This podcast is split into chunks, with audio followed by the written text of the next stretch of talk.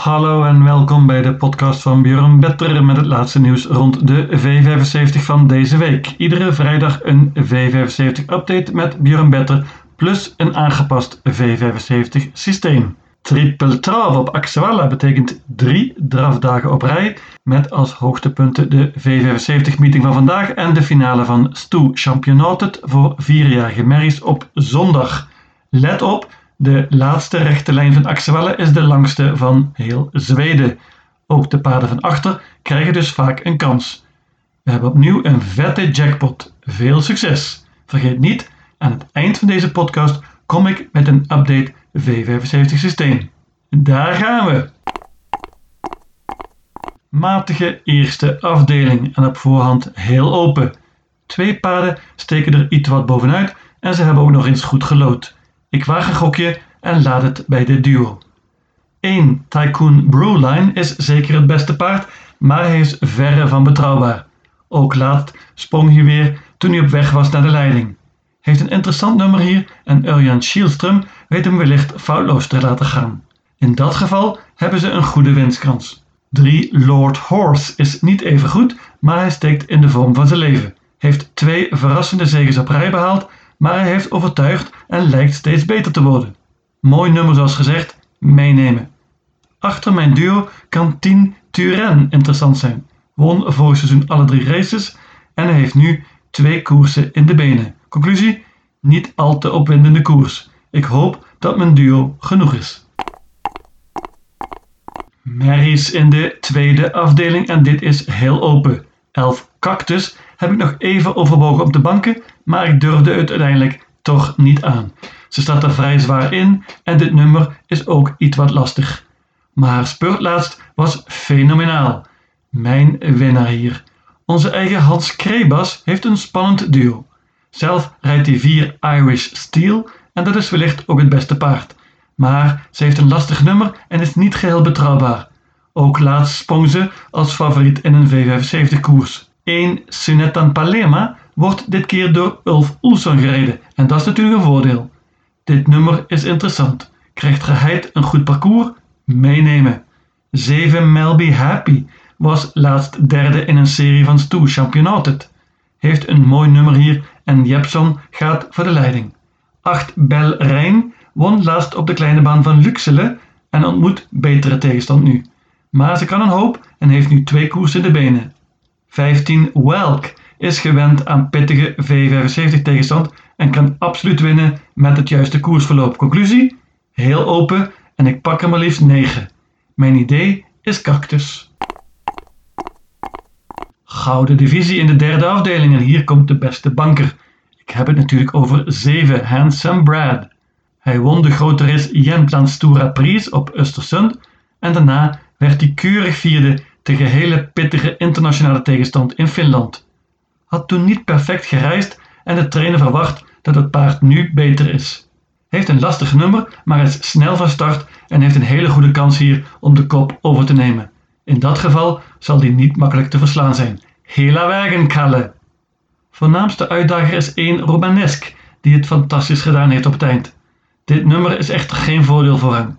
Ik verwacht niet dat hij de leiding kan behouden en dan heeft hij wat geluk nodig. Conclusie? Ik geloof veel in Handsome Brad en Bank. Leerlingen in V75-4 en dit is werkelijk een salig blanding, zoals we in Zweden zeggen, oftewel enorm verschil tussen de paarden. Ik ga voor een duo dat nota bene een dubbele handicap heeft en 40 meter moet goedmaken. 11 Ivory di Quattro kennen we goed van de V75. Hij was keurig tweede in Harpa Novoslop eind mei op Soelwalla achter onmogelijke Money Viking. Daarna was hij slechts tweede als megafavoriet, maar laatst was hij weer een oude doen en won eenvoudig van kop af in de V75. Hij wordt hier gereden door topleerling Mats Ejuse.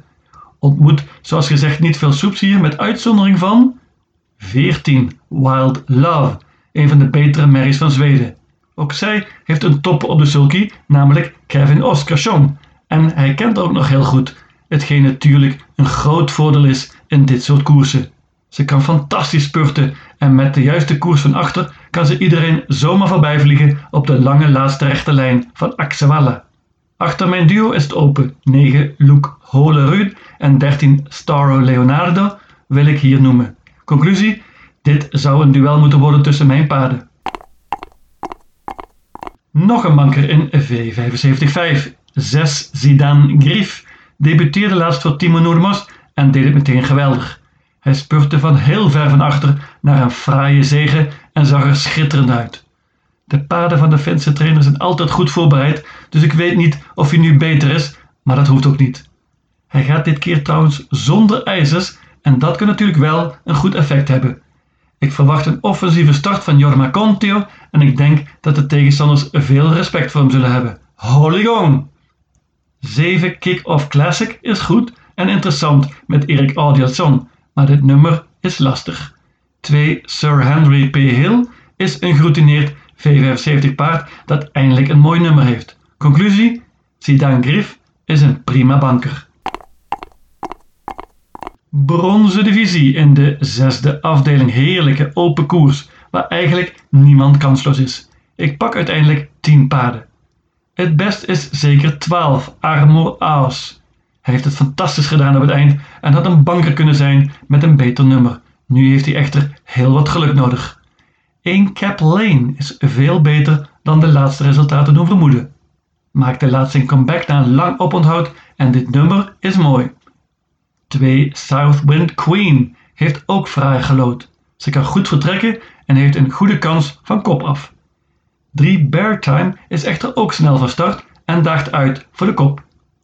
Ik blijf waarschuwen voor 7 ADS Hoor, die een hoop zelf kan doen. 10 Andre Ward hoopt op hoog tempo.